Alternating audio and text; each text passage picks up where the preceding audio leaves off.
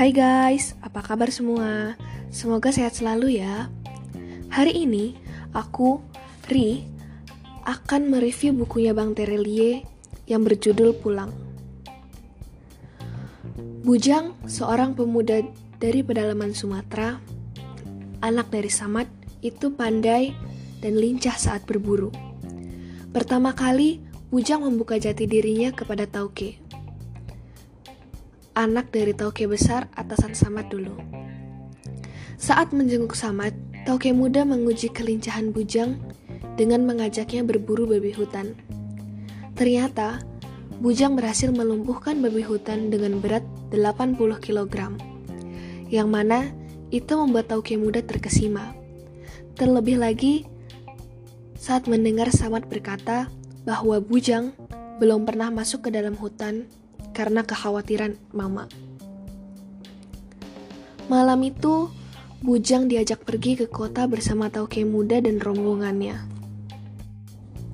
Mama yang hatinya terluka karena mengetahui apa yang akan Bujang lakukan nanti di kota, memutuskan untuk berpesan kepada Bujang agar senantiasa menjaga perutnya dari daging babi, anjing, tua, dan segala makanan dan minuman yang haram. 20 tahun berlalu, Bujang kini telah menjadi bagian dari keluarga Tong. Salah satu pemegang shadow ekonomi terbesar di dunia dari delapan keluarga. Orang-orang memanggilnya si babi hutan atau Bujang. Sedangkan nama aslinya, tak ada yang tahu. Hanya ia dan orang tuanya yang mengetahuinya.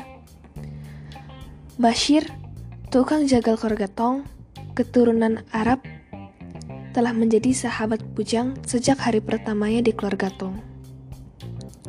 Mama yang mengajari Bujang belajar akademis, itu semua ternyata berguna ketika ada tes masuk dari Tauke Muda.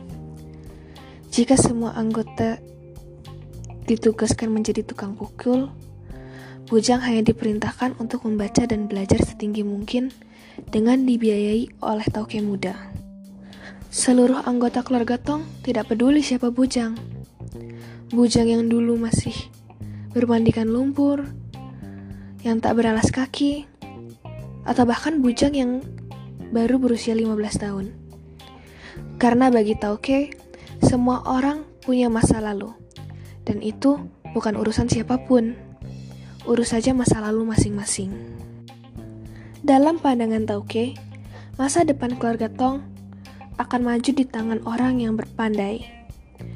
Bukan orang yang pandai berkelahi, namun akan maju di tangan orang yang berilmu. Sejak saat itu, Franz menjadi guru akademis, Kopong menjadi guru berkelahi, dan Salonga menjadi guru menembak bagi Bujang.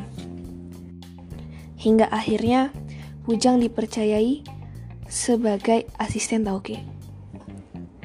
Sekian tahun berteman dengan Bashir, ternyata dia mengkhianati keluarga Tong.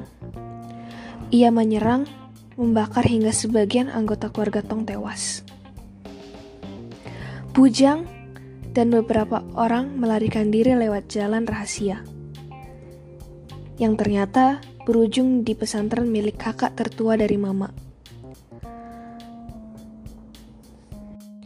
Malam ini, Tauke telah pergi dari dunia. Parwes tak bisa melakukan apa pun. Dia hanya bisa diam terpaku. Sampai suatu pagi, tuanku Imam, kakak tertua mama, menasihati Bujang. Agam, hidup ini sebenarnya perjalanan panjang, yang setiap harinya disaksikan oleh matahari. Setelah mendengar nasihat itu, Bujang langsung menyiapkan pasukan untuk melawan dan mempertahankan keluarga Tong. Akhirnya semua berkumpul. White, Franz dan teman-teman marinirnya, Kiko, Yuki, Togar, dan kawan-kawannya Togar yang lain. Malam ini, Bujang telah menjadi samurai sejati. Ia bisa mempraktikkan teknik menghilangnya dari kakek Bushi. Bujang menghabisi keluarga Lin dan juga Bashir. Empat minggu sejak peperangan di gedung kantor Parwes, Bujang memutuskan untuk menjenguk pusara mama dan bapak di Talang. Kini, Bujang bisa menentukan haluan baru, ke mana keluarga Tong, penguasa shadow ekonomi ini akan dibawa. Karena sekarang, Bujang adalah pemimpin dari ribuan anggota keluarga Tong dan puluhan perusahaan milik keluarga Tong yang tersebar di seluruh Asia Pasifik. Sekarang, Bujanglah yang menjadi tauke besar.